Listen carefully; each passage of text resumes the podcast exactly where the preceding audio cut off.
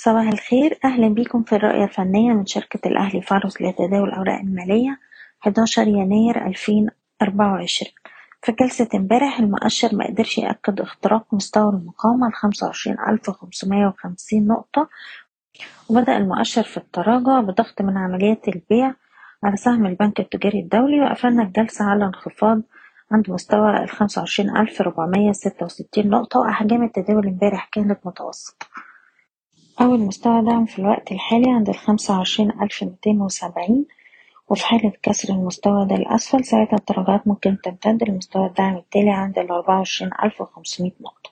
وبشكل عام مازلنا بنتحرك في النطاق العرضي أسفل مستوى المقاومة الستة وعشرين ألف وأعلى مستوى الدعم الأربعة وعشرين ألف نقطة. على الأجل القصير بننصح بجميع أرباح الأسهم اللي وصلت للمستهدفات بتاعتها وتخفيض مراكز الشراء بالهامش بشكركم بتمنى لكم التوفيق. إيضاح الشركة غير مسؤولة عن أي قرارات استثمارية يتم اتخاذها بناء على هذا التسجيل.